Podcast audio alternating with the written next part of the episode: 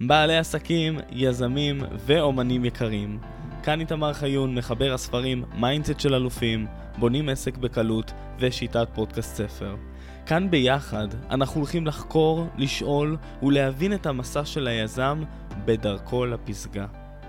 אז רגע לפני שאנחנו מתחילים, לחצו על כפתור ה subscribe כדי שלא תפספסו את הפרק השבועי. מוכנים? יוצאים לדרך.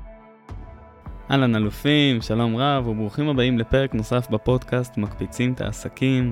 כאן איתמר חיון, והיום יש לנו פרק סולו ביחד, רק אני ואתם, איזה כיף לנו. אז רציתי לשתף אתכם בהמון תובנות שעלו לי בזמן עשיית ספורט, והחלטתי לשתף אתכם דווקא בנושא הזה כדי שאתם תחוו את אותם דברים גם כשאני חווה אותם, ופשוט לשתף אתכם. לדעתי הספורט כמו שאתם בטח יודעים, למי שמכם עוסק בזה, פשוט משפר אותנו בכל מישורי החיים, בין אם זה במישור העסקי, למישור הזוגי, למישור החברתי, אה, למישור של קבלת ההחלטות, פשוט כל דבר בחיים שלנו משתפר אם אנחנו עושים את הדבר הזה. ורציתי להביא לכם כאן כמה וכמה דוגמאות על איך אנחנו יכולים אה, פשוט מאוד להתחיל לעסוק בזה ואיך זה גם בא לידי ביטוי בחיים שלנו.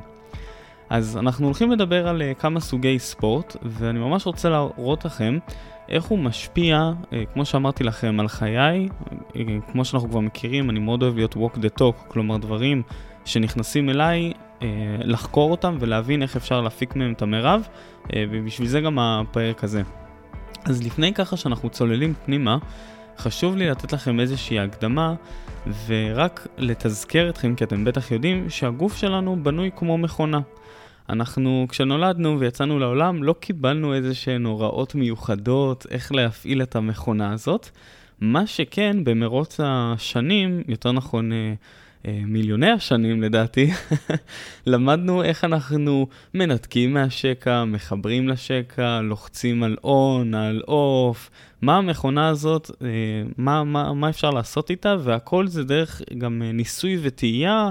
וחקר, והיום גם המדע נורא מעורב בזה, ובכלל משפרים לנו היום את נעלי ספורט, אז הביצועים שפעם היינו יכולים לעשות והם היו השיא השיא, היום זה כבר uh, נחשב פסה, כי אנחנו כל הזמן משתכללים. אז ממש כמו ללכת, לרוץ, להפעיל את, ה, את השרירים האלו, אנחנו הולכים להבין איך אנחנו יכולים, תוך כדי ניסוי וטעייה, להבין בגוף שלנו מה עובד ומה פחות. אה, וכמו שאמרתי בהתחלה, לראות איך אנחנו, איך זה נכנס ביום-יום, איך בתכלס הדברים האלו משפיעים על היום-יום, על החיים שלנו. אז בואו ניצול פנימה, אנחנו הולכים לדבר על עשרה סוגי ספורט, שכמו שאמרתי לכם אישית, מאוד מאוד אוהב, התעסקתי בכל אחד מהם.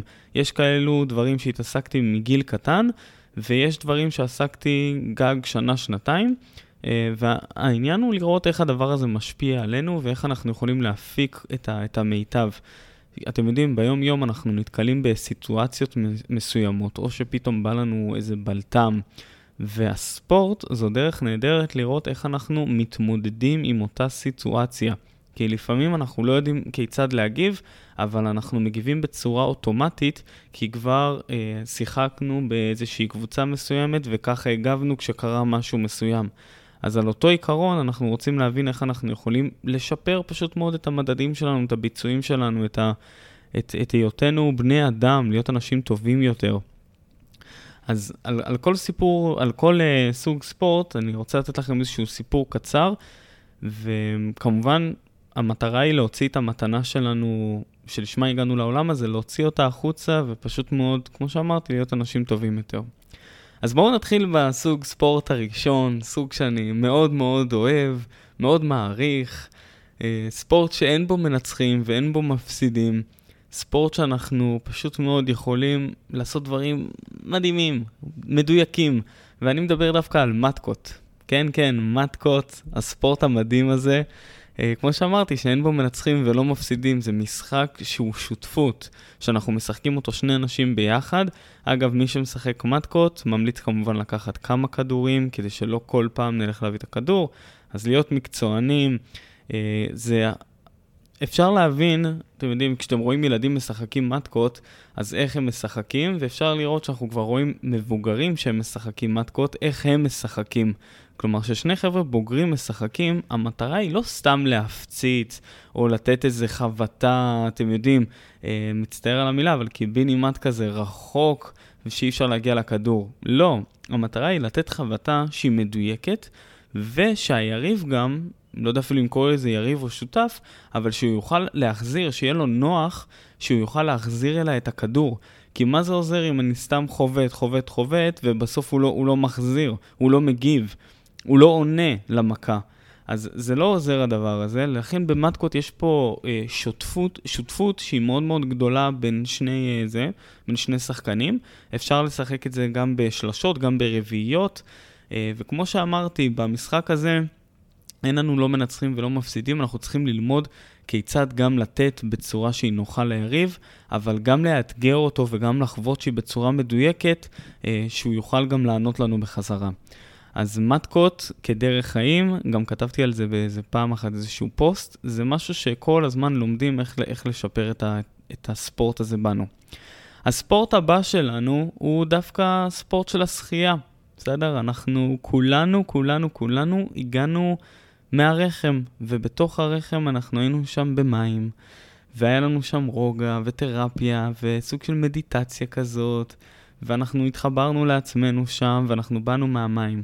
אז דווקא כשאנחנו שוחים, בתור אחד שעשה אה, כמה וכמה פעמים את אה, צליחת הכנרת, שזה ארבעה קילומטר של שחייה, אה, דרוש הרבה מאוד אה, משמעת במובן של ההתמקדות. כלומר, כשאנחנו שוחים, באות לנו המחשבות האלו, אנחנו חושבים על דברים ואנחנו צריכים לעשות את אותה תנועה, את אותה חתירה, אה, לקחת את אותם הנשימות, בין אם זה 1 ל-3, שאנחנו נושמים כל שלושה סיבובים כאלו, או 1 ל-4 או 1 ל-2 אפילו, מי שככה שוחה בדוק מכיר את זה.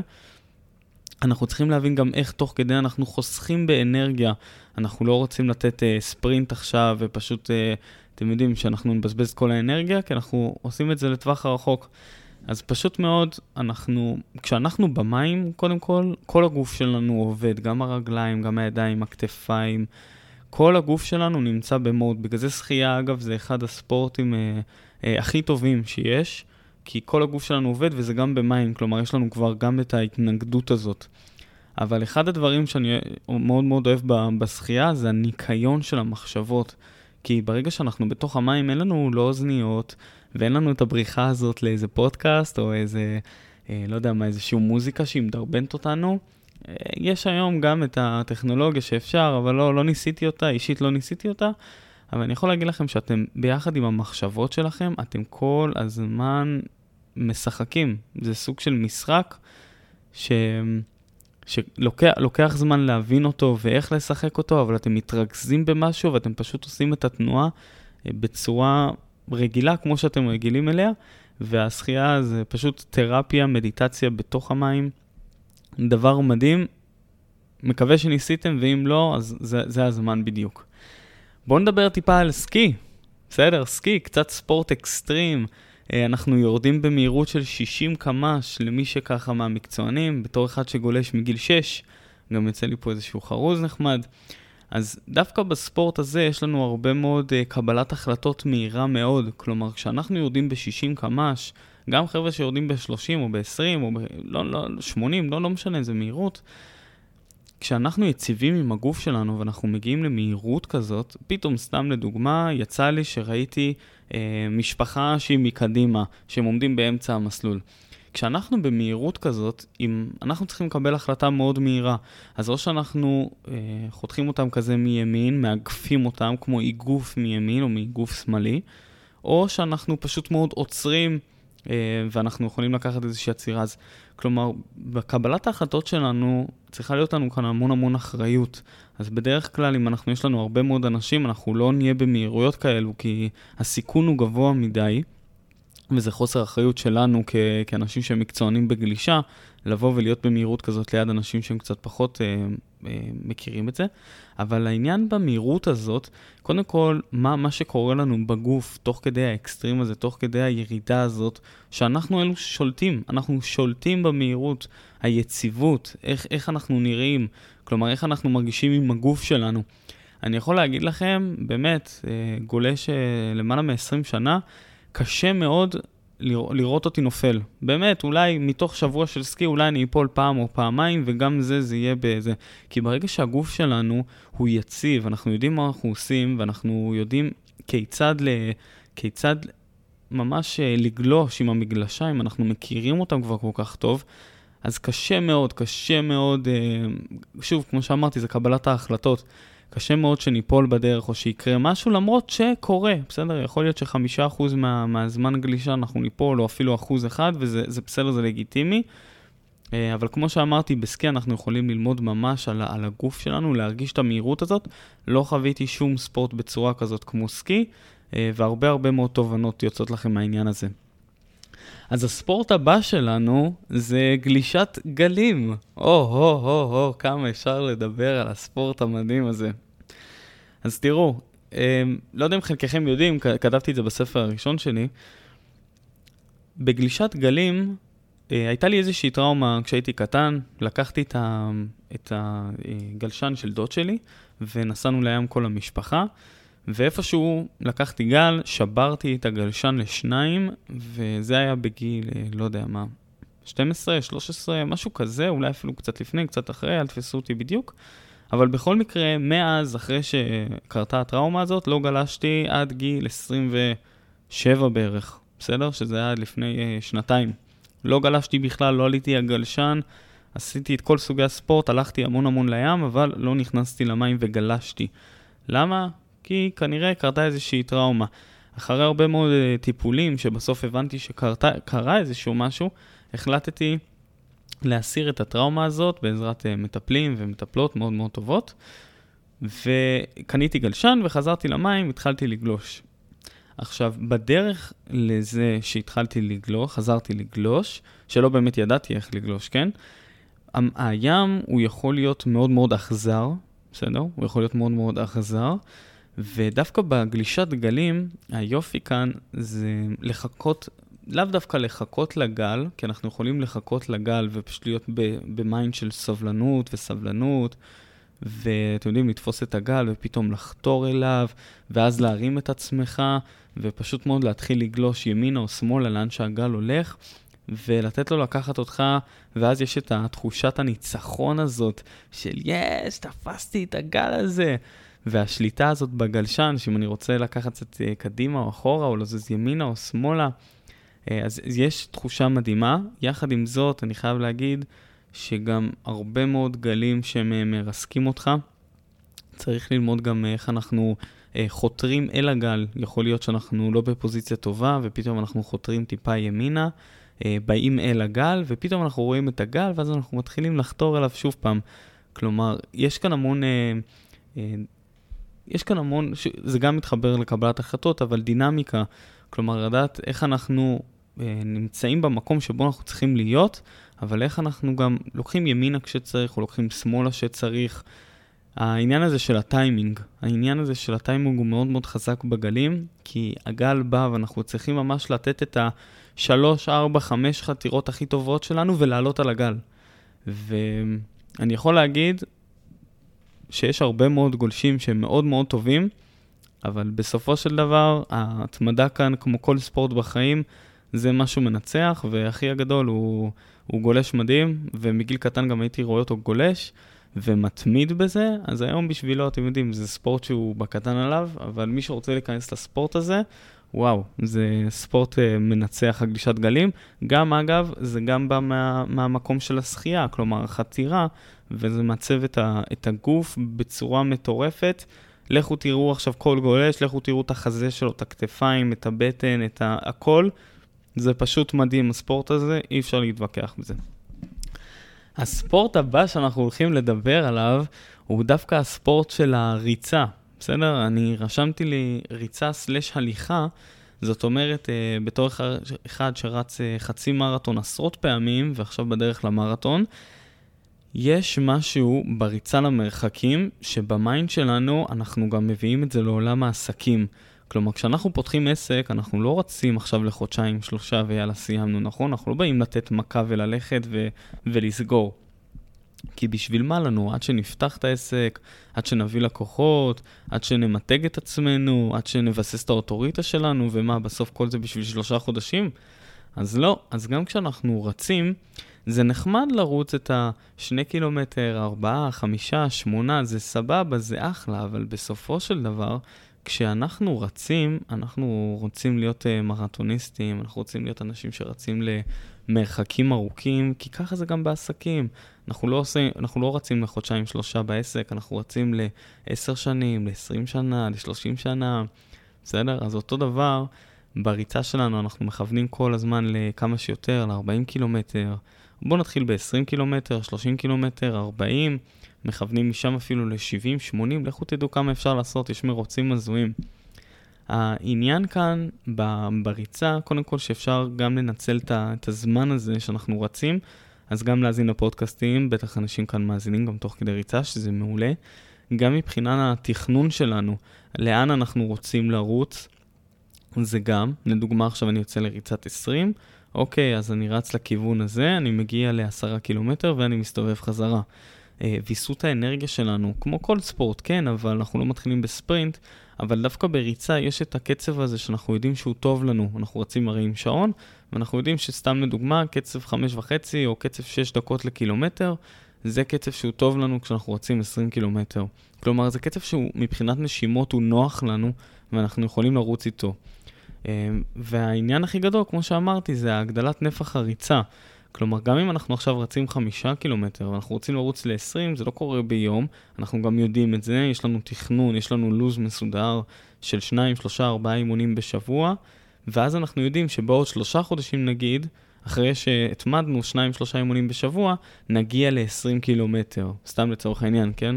אבל תוכנית אימונים שהיא מאוד מאוד אה, מסודרת ו- וכיף לעבוד איתה. אז אנחנו מתקדמים לספורט הבא שלנו, שהוא קרוב לריצה, אבל uh, הוא יותר מתח מגבילים, בסדר? מתח מגבילים, כוח, uh, אפשר להוסיף כאן גם בטן, לא משנה מה, אבל זה, הספורט הזה שאני אומר מתח מגבילים, הוא יותר לכיוון של uh, לחזק את השריר הפיזי שלנו, כלומר, אנחנו רואים איך הגוף uh, נבנה מאימון לאימון. עכשיו, אני רוצה לתת לכם איזושהי דוגמה קטנה. לפני כמה חודשים הייתי עושה הרבה מאוד מתח, בסדר? גם בצבא הייתי עושה הרבה מאוד מתח וגם הרבה מאוד דברים, ואני זוכר שמישהו אמר לי פעם ש-60% מהשריר ביד שלנו זה יד אחורית. כלומר, 60% זה בכלל יד אחורית. עכשיו, מה זה יד אחורית? יד אחורית זה מקבילים, בסדר? כמו שאתם יודעים, זה גם יד אחורית וגם עוד הרבה דברים, גם חזה וגם כתפיים. בכל מקרה, לפני חודשיים בערך, חודשיים שלושה, התחלתי להיכנס חזק למתח מקבילים, אחרי שכבר עשיתי הפסקה קצרה מה, מהריצה, כי הבנתי שפשוט מאוד אין לי, אין לי כוח, בסדר? אין לי כוח, אין לי, אין לי, אין לי שריר. כל הריצה, היא מורידה לי את כל השריר מה, מהגוף, אני פשוט מתחיל להיות רזה ובלי שרירים, בלי כלום. אז אמרתי, טוב, אני צריך לפתח קצת את הגוף, אי אפשר ככה, זה שכונה פה. בכל מקרה, התחלתי ללכת uh, להתאמן ועשיתי הרבה מאוד מתח, ותמיד הייתי עושה מתח, אבל מקבילים, תמיד איפשהו הייתי מוותר לעצמי, ועכשיו אמרתי, אוקיי, אתה לא מוותר לעצמך, אלא אתה משקיע חזק במקבילים, בדיוק כמו שאתה משקיע במתח. אחרי חודשיים, חברים, יכול להגיד שהתוצאות מטורפות. לא היו לי תוצאות כאלו שנים, אם לפי דעתי אפילו עכשיו זה הגוף שלי הוא בשיא שלו. לא יודע אם מבחינת הריצה, כמו שהייתי רץ אז, כי כמו שאמרתי, קצת הורדתי בזה, עדיין רץ, יותר שמיניות ועשיריות, אבל יותר יותר מתמקד דווקא ב, בכוח, במקבילים, במתח, בבטן, אה, כי, זה, כי זה ממש חשוב לי. היום לדוגמה, אנחנו גם נגיע לזה בהמשך, אבל יש עוד סוגי ספורט שזה פשוט נורא נורא חשוב. אה, הכוח הזה, כי אם פעם הייתי עושה 7 מתח או 10 מתח, היום הגעתי למצב שאני עושה 17 מתח. 17 מתח תעשו גם כמה סטים, כן? אני לא עושה 4 סטים של 17, אבל בוא נגיד שלושה סטים של 10 ואחד של 17 זה אש, או שלושה של 15, אחד של 17, מדהים.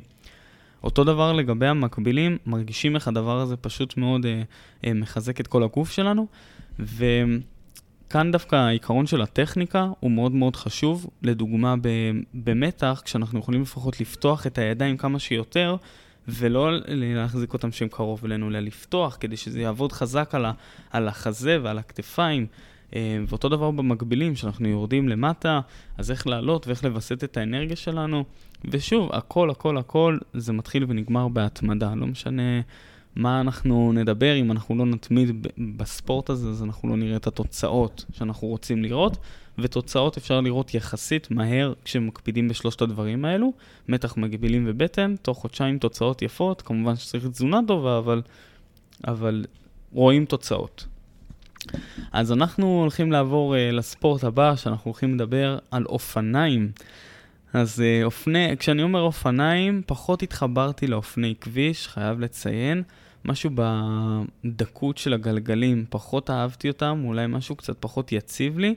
אישית, יותר מתחבר לאופני שטח, לסינגלים, um, לירידות מאוד מאוד חזקות, גם לעליות מאוד טובות. מי שמכיר את פרויד בחיפה, עליתי את זה כל כך הרבה פעמים. אה, גם אופניים זה משהו שהוא מגיל קטן, שבאופניים אנחנו יכולים קודם כל להגיע למהירויות, נכון? מדהימות. יש שם גם סיכון כמובן, כי זה סינגלים, אתם יודעים שאתם אה, רוכבים בתוך השטח, אה, פתאום יכולה להיות איזושהי אבן ואתם יכולים לעוף קדימה, זה קורה וזה קרה. יש משהו מאוד מקצועי באופניים, כי כשאנחנו יוצאים עכשיו לרכב באופניים, גם בסקי זה ככה אגב, אז אנחנו לא יוצאים שכונה. אנחנו יוצאים עם, ה, עם הציוד שלנו, עם שלוקר, אנחנו יוצאים עם קסדה, אנחנו יוצאים עם משקפיים, עם ביגוד מסוים שיהיה לנו נוח, עם אופניים שהן טובות. בואנה, האופניים שיש לי היום עולות, להיות, עולות יותר מהרכב שלי, כן? אז אופניים זה, זה סוג של ספורט שהוא מאוד מקצועי, אה, ואפשר להגיע, כלומר, זה, זה לא נגמר הדבר הזה, וזה ספורט של אנשים שהם אה, גם מאוד מתמידים, כי בדרך כלל מי שרוכב, רוכב בשעות הבוקר המוקדמות, שזה 5-6 בבוקר. אה, ויש שם גם המון המון אה, ענווה בספורט הזה. סוג האנשים שהם מתעסקים בו באופניים זה סוג מאוד, אה, מתוך קבוצות הרכיבה שראיתי, סוג מאוד איכותי של אנשים, וזה כיף להיות חלק מהדבר הזה, וממליץ בחום להיכנס לזה לכל מי שלא נכנס עדיין. הספורט הבא שלנו זה ספורט שהוא די חדש לי, חייב לציין. זה כל העניין של האתלטיקה, של אה, אקרו-יוגה, של עמידת ידיים, זה דווקא הדברים שאני רוצה לדבר איתכם עליהם, שזה ספורט שהתחלתי ממש בחודשים האחרונים. כמו שאמרתי לכם היום, אני בן 29, לא ידעתי לעשות עמידת ידיים כל החיים שלי. בחודשיים האחרונים למדתי לעשות עמידת ידיים ואני עושה אותה בצורה מאוד מאוד טובה. יחסית, כן? הכל עניין של יחסי, אבל בוא נגיד היום שאני עומד עמידת ידיים, אני כבר חמש שניות נשאר על הידיים, שבע שניות אפילו נשאר על הידיים, בסבבה, אוקיי?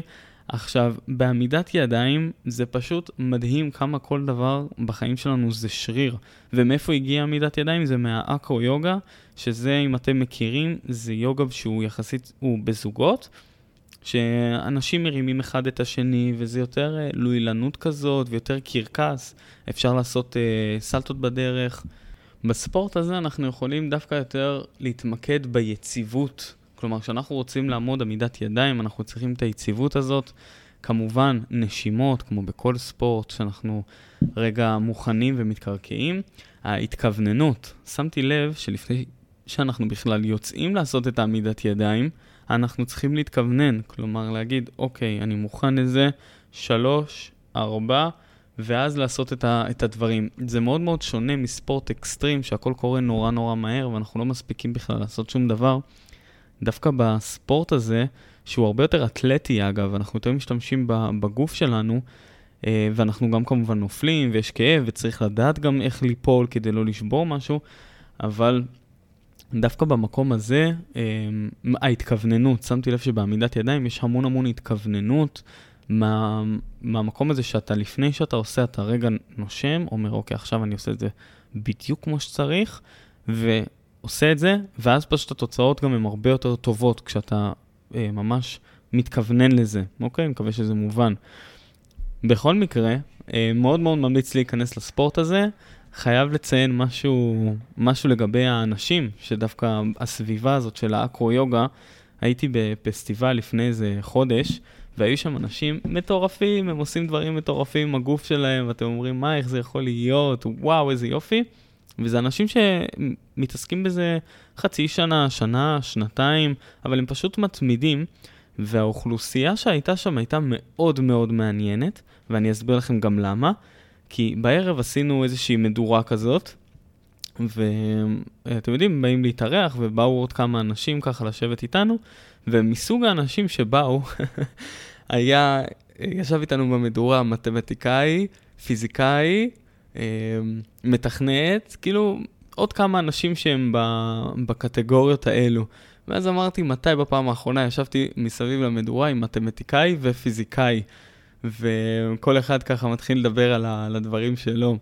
אז סוג האנשים נורא נורא מעניין, ואפשר להכיר את האנשים המיוחדים האלו בסוגי ספורט השונים.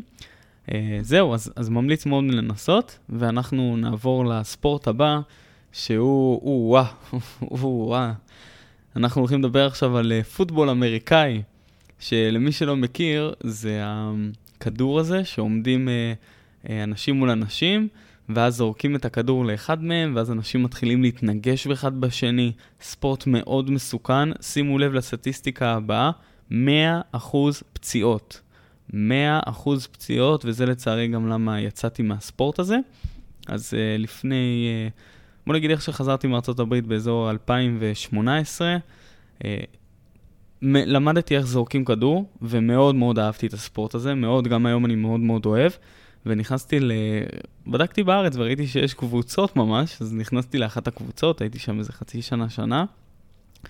ואני יכול להגיד לכם שזה ספורט פשוט כל כך מסוכן, שאם אתה מתעסק בו, במוקדם ובמאוחר אתה הולך להיפצע.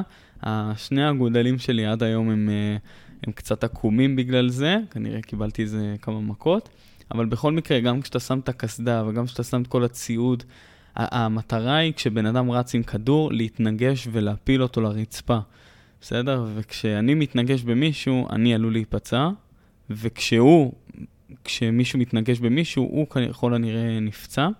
אז הספורט הזה מאוד uh, זה.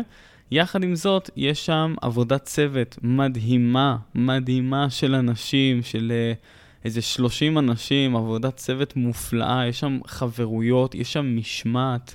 משמעת של איך אימונים נראים, מה צריך לעשות, ולא מדברים, ממש מזכיר קצת את הצבא, אבל, אבל ממקום הרבה יותר כיפי שזה ספורט. יש שם אחווה, בסדר? אחווה ממש של... אה, אצלנו זה היה גברים, בסדר? גברים של אחווה, רוח ספורטיבית. ממש אפשר מפוטבול להבין הרבה מאוד דברים על החיים. כמובן שהפוטבול זה, אה, כשאני לוקח את זה, אז מבחינתי זה כדורסל, כדורגל, אה, זה, זה אותו דבר, פשוט הדברים האלו עשיתי כשהייתי קטן, אבל פוטבול, ראיתי את זה, מה זה כשחבר'ה שהם בני 20, 25, 30, 35, נמצאים ביחד כקבוצה, כל אחד בא מהעולם שלו, אבל העבודת צוות והנתינה למען הקבוצה והעמידה בזמנים וההגעה לאימונים, אה, יש כאן הרבה מאוד משמעת ויש כאן חברויות. בסדר? יש כאן חברות שהיא מאוד מאוד גדולה, קיבלתי שם כמה חברים מאוד גדולים לחיים. והפוטבול הזה, בוא נגיד ככה, זה ספורט שקיבלתי ממנו המון, המון, המון, המון. אה, גם באגודלים, אני לא יכול לשכוח את זה עד היום. אוקיי, אז חברים, אנחנו, יש לנו עוד קצת, אנחנו, אנחנו משתפרים. אז הספורט הבא שאנחנו הולכים לדבר עליו הוא דווקא שחמט. שחמט, ספורט אה, פחות פיזי, יותר חשיבתי, יותר אה, חשיבה אסטרטגית, ו... ואיך אנחנו מתקדמים קדימה, איך אנחנו חושבים עשרה צעדים קדימה, והוא יעשה ככה ואני אעשה ככה, והוא יעשה פה והוא יעשה שם, ואז אני אוכל אותו, ואז הוא יעשה לי את זה. כלומר, ממש אה, אה, לחשוב ולנהל סיכונים, בסדר? ואם הוא יאכל לי עכשיו את הצריח, ואם אני אוכל לו את הסוס, אז אני אאיים לו על המלך והוא יאיים לי על המלכה. יש שם המון המון המון דברים. בתור אחד אה, הייתי בחוג לשחמט והתמודדתי פעם אחת בתחרות. אני יכול להגיד לכם ש, ששחמט זה, זה, זה ספורט מאוד מאוד מעניין, בטח אה, גם עכשיו, אחרי הסדרה הזאת שיצאה, כמה שנים אחרי, נהייתה מודעות מאוד מאוד גדולה לשחמט, אבל אני זוכר את ההפסד שלי שהייתי אה, בתחרות ובמשחק אחד ניצחתי, אוקיי? ואני זוכר את ההרגשה, ובמשחק השני, הבן אדם פשוט קרא אותי. התחלתי, אני זוכר כזה, התחלתי לראות קצת, אפילו כמעט לבכות, כמעט לדמוע, הייתי ילד קטן, וההתמודדות הזאת עם, ה, עם ההפסד, כלומר, אתה רוצה לעשות משהו, אבל הוא תמיד חושב לפניך, והוא יותר טוב, ויש את הרגע הזה שצריך ללחוץ על השעון. אז uh, הוא, כל פעם הייתי עושה איזשהו מהלך, והוא היה אומר לי, השעון, צריך ללחוץ על השעון. כאילו, יש כאן, יש מהבחינה המנטלית, זה לא ספורט שהוא, שהוא פיזית קשה ושאתה מתנשף, או שאתם לא יודעים איך להגיב ואין לך כוח. לא, זה לא זה, זה החשיבה האסטרטגית הזאת, שוב פעם, לצפות מה הולך לקרות, אה, לראות את, ה, את היריב, כלומר, מה, מה הוא, לחשוב, להיכנס לראש שלו ולהבין מה הוא רוצה לעשות. וגם להסתכל איך אנחנו הולכים ו- וכמובן אה, מאיימים ועושים שחמט. אז שח זה אחד הספורטים ה... בחשיבה האסטרטגית הכי טובים שראיתי היום, כן? לא... אה, ואגב, הייתה לי שיחה עם חבר, שדווקא היום עולם הגיימינג הוא מקביל לעולם השחמט. פעם היו משחקים הרבה יותר שח, וגם היום כמובן משחקים, אבל דווקא עולם הגיימינג היום הוא מאוד מאוד uh, אסטרטגי, ויש קבוצות של אנשים שמשחקים, אז, אז היום הדבר הזה הוא יותר לכיוון הזה, לחבר'ה הצעירים. אה, אבל מי שרוצה ככה משחק שח, אני תמיד אה, נהנה בשמחה. והספורט הבא, דווקא פריסבי. בסדר? חזרנו רגע קצת לים. הפריסבי זה, זה מדהים, כי יש כאן כמה דברים שאפשר לעשות. א' כל אנחנו יכולים לשחק עם אנשים, בסדר? אתם יכולים עכשיו להיות באיזשהו מרחק מסוים, ואני אזרוק לכם את הפריסבי, אבל כשיש רוח, אנחנו לא חייבים לשחק עם אנשים. אנחנו יכולים לשחק עם הרוח. זאת אומרת, דמיינו עכשיו שמכיוון, אה, לא יודע מה, דרום-מערב, מגיע איזושהי רוח, ואני לוקח את הפריסבי ואני נותן איזשהו אה, ככה לכיוון הרוח. בסופו של דבר הוא כמו בומרנג, הוא חוזר אליי, וגם אם הוא לא חוזר אליי וגם הוא סוטה טיפה אה, למעלה יותר, אני צריך להתאים את עצמי. יש כאן משחק מטורף עם הפריסבי, שזה ממש תכנון, העניין הזה של תכנון והתנועה ולהבין, אוקיי, נתתי, לו, נתתי עכשיו תנועה אה, לכיוון הרוח, זרקתי לכיוון הרוח, ועכשיו אני צריך להגיע אליו, אני צריך, לז... אני צריך לתפוס אותו, אוקיי? אז אני מתכנן לפי הרוח איפה הוא הולך להגיע, אבל אני צריך להגיע בדיוק למקום בזמן הזה, ולהבין שהרוח תמיד זזה, אז גם אני כל הזמן צריך לזוז. אז יש כאן אלמנט שהוא מדהים מבחינתי, מאלמנט הרוח. יש כאן הרבה מאוד יצירתיות. אה, קרה לי פעם אחת שזרקו איזשהו פריסבי, אבל הייתי צריך לתפוס אותו, אז כמובן שקפצתי מעל איזשהו שולחן ותפסתי אותו כאילו זה, זה כדור פוטבול. אבל יש כאן הרבה יצירתיות, וכמו שאמרתי, התכנון והעבודה עם הרוח, זה אחד הדברים שאני הכי אוהב בפריסבי, וזה אחד הדברים שהכי מרגשים אותי. בכלל, עבודה עם הרוח היא עבודה מדהימה, בסדר? והספורט הבא זה ספורט שדווקא רובנו חווינו אותו בצבא, שזה דווקא הירי, אוקיי? זה ספורט שהוא מבחינתי, אה, יש כאן הרבה מאוד מיקוד. כלומר, מיקוד כדי שאנחנו נוכל להגיע בסופו של דבר לאיזשהו מקבץ מסוים, לפגוע במטרה, כי כשיש לנו עכשיו מטרה של פלאח, מי שזוכר זה איזשהו אה, ברזל כזה, וצריך אה, עם המאג לפגוע ממרחק של 300 מטר, אז אנחנו שומעים את זה וגם רואים את כל הניצוצות, כי אנחנו פוגעים בפלאח. אבל כשיש לנו ירי אה, עם, ה, עם הרובה שלנו, האישי שלנו, סתם לדוגמה, ל-50 מטר, ואנחנו רוצים לפגוע לו בדיוק בראש, בדיוק בין העיניים, אז אנחנו צריכים להוציא את כל האוויר שיש לנו מתוך הגוף, להיות בטכניקה של שכיבה מאוד מאוד מסודרת, ואז ללחוץ חצי על ההדק וטאק, לשחרר כדור. ואנחנו רוצים בסופו של דבר גם לעשות איזשהו מקבץ יפה שהוא מסודר. אז, אז בעניין הזה יש לנו כאן את, ה, את המיקוד, יש לנו כאן את הנשימות, יש לנו את ה... אם אנחנו יורים עכשיו חמישה כדורים, אז חמשת הכדורים האלו צריכים להיות בצורה מדהימה. וכמובן שבירי יש לנו כאן את הבטיחות, כי אנחנו גם אה, יורים תוך כדי הליכה, שכולם ביישור קו, כל הצוות ביישור קו. אה, יורים בהרבה, מהרבה, אתם יודעים, באגפים. קיצור, לא, לא נחזור עכשיו לדילוגים על כיפות בצבא. אבל uh, בכל מקרה, ירי מבחינתי זה ספורט לכל דבר, כי אנחנו צריכים בסופו של דבר לפגוע. ז, זאת המטרה, לפגוע, ולא רק לפגוע, אלא לפגוע בדיוק איפה שאנחנו רוצים. אז חברים, וואו, אלו היו עשרה סוגי הספורט שאנחנו יכולים ללמוד מהם, ומכל סוג ספורט אנחנו יכולים ללמוד איך אנחנו יכולים להפיק את המרב מעצמנו, ואיך אנחנו יכולים בסופו של דבר להתעסק בו, לשפר את ההחלטות שלנו בתור בני אדם, אה, לשפר את, את היותנו אנשים, בין אם זה לדוגמה כשנתתי בפוטבול, בעבודת צוות, לדעת איך עובדים עם צוות ואיך עוזרים אחד לשני, ובין אם זה במטקות, שזה לדעת לעבוד ב, בשותפות. ואם אני לוקח אתכם לסקי, שזה יותר מהמקום של הקבלת החלטות המהירה והאקסטרים והתחושות האלו בגוף.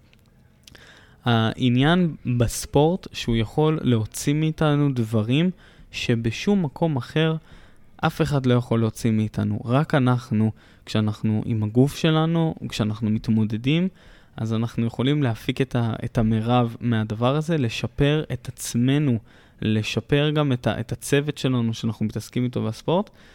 ולסיכום, אני חייב להגיד לכם שספורט זה אחד הדברים שהכי עוזרים לי להתמודד עם משברים בחיים ועם כל משבר שעברתי. אני זוכר שגם נעזרתי בספורט, ולכל משבר יש גם את הסוג ספורט שיותר מתאים לו.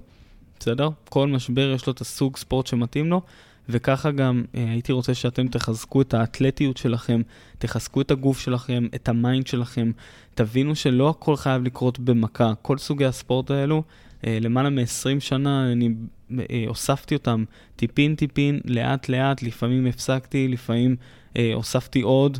אבל כל הזמן אנחנו מוסיפים סוגי ספורט, כל הזמן אנחנו לומדים. אם תיקחו אותי עכשיו לכל סוג ספורט, ותגידו לי, איתמר, ככה משחקים, אלו החוקים, יאללה, שחק. לדעתי, כשאנחנו כבר לוקחים את כל הסוגים האלו, זה לא משנה כבר היום אם זה מתקות או אם זה טניס, כי זה על אותו עיקרון, או אם זה כדור נוצה, כי זה מחבט, זה אותו עיקרון.